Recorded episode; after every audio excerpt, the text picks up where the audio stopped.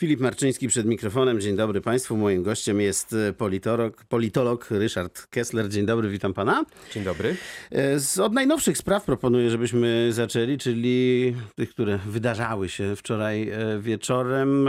Na przykład interesująca rzecz to Małgorzata Kidawa-Błońska, jedynka listy PO tutaj we Wrocławiu. Z jednej strony no, nazywa się takich polityków spadochroniarzami, z drugiej strony jak Grzegorz Schetyna wystartuje w Warszawie, no to taka zamiana, która też się może wydawać dość naturalna. Zaskaki, zaskakuje to Pana?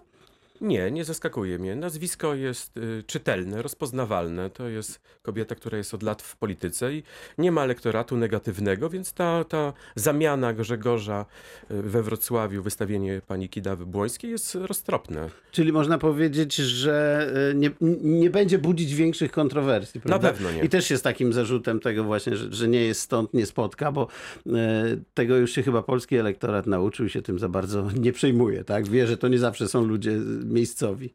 Y, Chyba też jest tutaj y, takie zjawisko, że y, naturalnym kandydatem na jedynkę we Wrocławiu był Bogdan Zdrojewski. W związku z tym, że wokół jego osoby są zawirowania, nie wiemy w jakiej formule Bogdan Zdrojewski wystartuje, więc Kidawa Błońska jest tutaj bez- bezpiecznym kandydatem na jedynce dla Koalicji Obywatelskiej. A skoro już jesteśmy przy Bogdanie Zdrojewskim, to no cóż, wydaje się, że wystartuje do Senatu z jednego okręgu jednomandatowego. No i plany są takie, że Barbara Zdrojewska, jego żona, wystartuje z y, drugiego, ale jakby w tym samym miejscu. To wydaje się panu niezręczne? Tego nie wiem. Nie, nie, nie było takich eksperymentów w polskiej polityce, żeby małżeństwo startowało praktycznie z jednego miasta, co prawda z dwóch okręgów wyborczych. Nie wiem, czy ten eksperyment zostanie dobrze odebrany, ale zarówno Bogdan Zdrojewski, jak i Barbara Zdrojewska ma, ma tutaj wyborców, więc zobaczymy. Prawdopodobnie e, stanie się też tak, że, że- że te nazwiska jak gdyby sprawią, że oni wygrają te wybory w naszym mieście. Są wystarczająco znane e, Absolutnie i, tak. I popularne.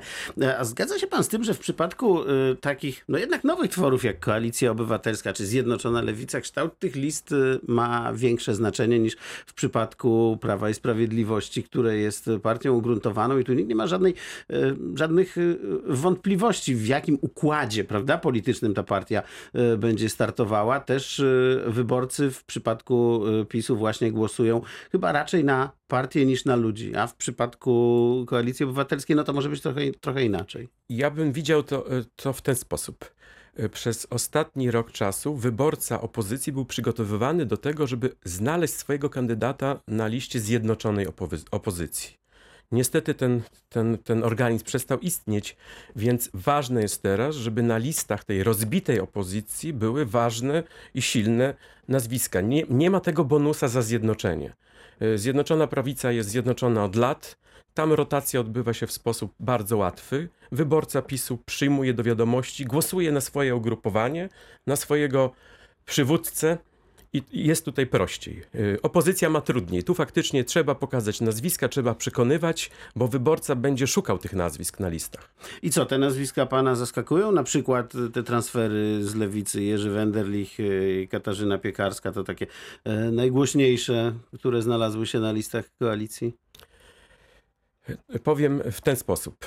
Przyglądam się temu y, y, cały czas uważnie i pamiętam słowa Grzegorza Schetyny, który powiedział, że nie buduje koalicji partyjnej, buduje koalicję y, osobowości, postaw, postaci politycznych. Ludzi, Więc tak był i wczoraj, ludzi, tak. czyli był zmuszony do tego, zmuszony wręcz, żeby znaleźć tych ludzi i dać ich na własne listy.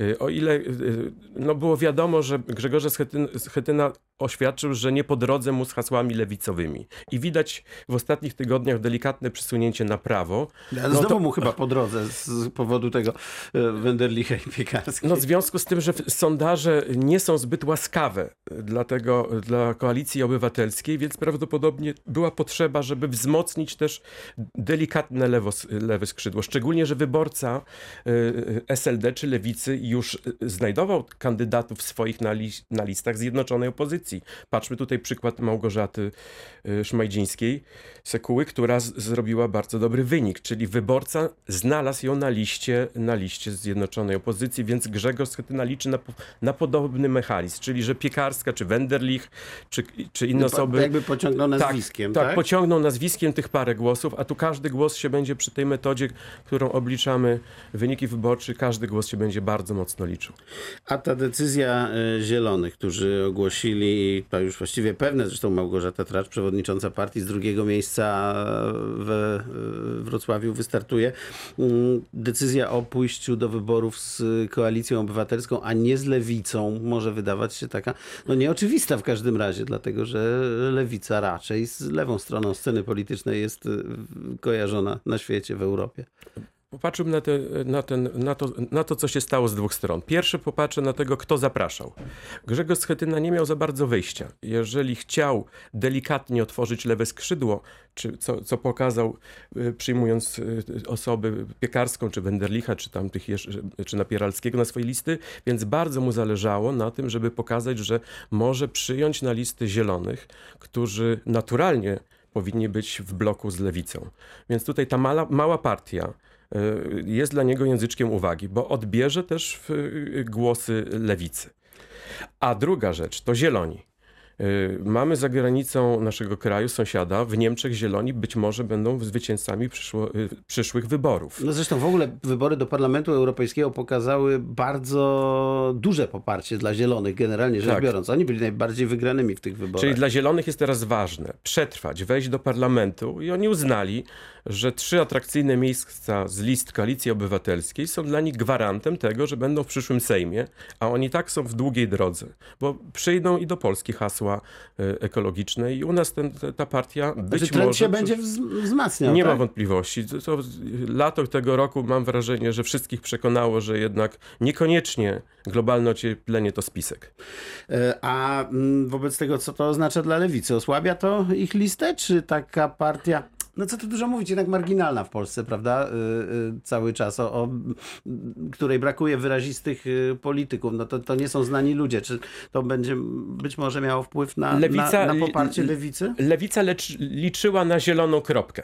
No tak. Bo tak. tak. było widać nawet w tych e, logotypach, e, ale nie będzie to wielk, wielkiej, e, wielkiego ciosu dla lewicy. Dla lewicy ciosem będzie, gdy któryś z tych tenorów nie zdecyduje się na wspólne startowanie. Być może i będzie też tak, że jedyne co zjednoczone zostało po, po tych niedawnych, po koalicji europejskiej, to będzie zjednoczona lewica. Myślę, że liderzy lewicy na to liczą.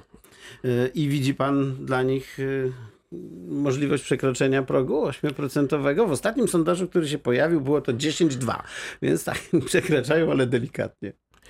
W polityce y, po, potrzebna jest pokora.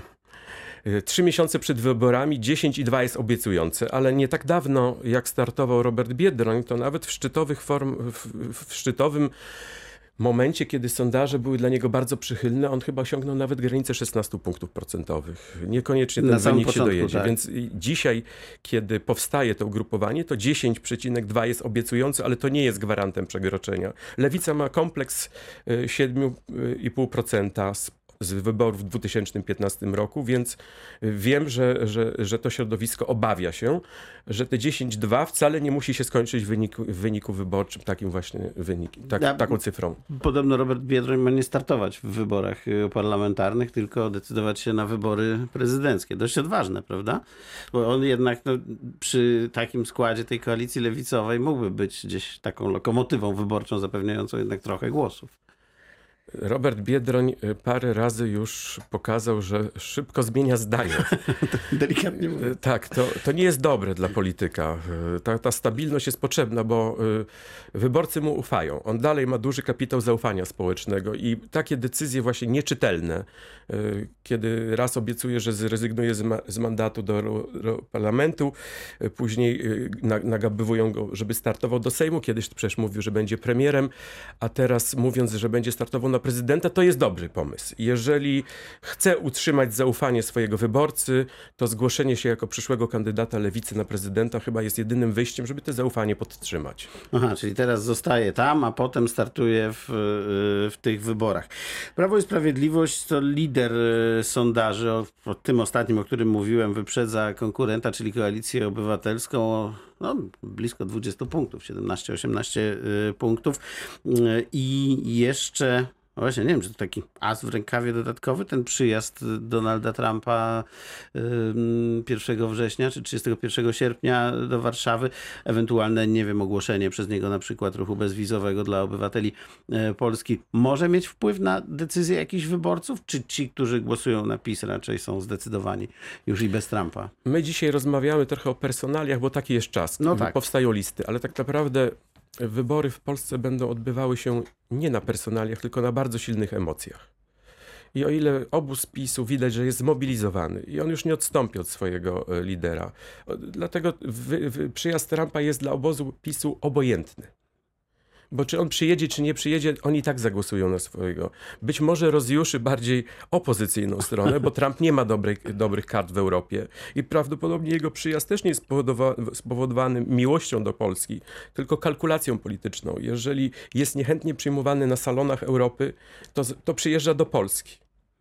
Więc żeby się pokazać w Europie, wykorzysta naszą politykę zagraniczną i będzie tutaj. Być może ogłosi też zniesienie wiz, co dla części elektoratu, szczególnie z, z miejsc y, dużej emigracji do Ameryki, tej historycznej emigracji, czyli z bastionów PiSu, może zostać przyjęty przez elektorat y, PiSu pozytywnie. Zniesienie wiz, nie sam Trump. I na koniec a, proszę zwrócić uwagę, tu Małgorzata Kidawa-Błońska, tu Mirosława Stachowiak-Różecka, na drugim miejscu tu Małgorzata e, Tracz. Dużo kobiet się pojawiło, choćby na Dolnym Śląsku e, w polityce, prawda? Oby tak było. Przyjrzyjmy się tym wszystkim jedynkom w całym kraju, czy taka jest tendencja. No, najwyższa pora. Ja jestem przekonany, że dobrze jest, kiedy jest zamek i suwak tak zwany w polityce. Kobiet jest mało w polityce, powinno być ich więcej. To są y, poli, poli, polityczki, które już działają od wielu lat, są znane, rozpoznawalne, y, będą ze sobą dobrze konkurować. Ryszard Kessler, politolog, bardzo dziękuję. Dziękuję.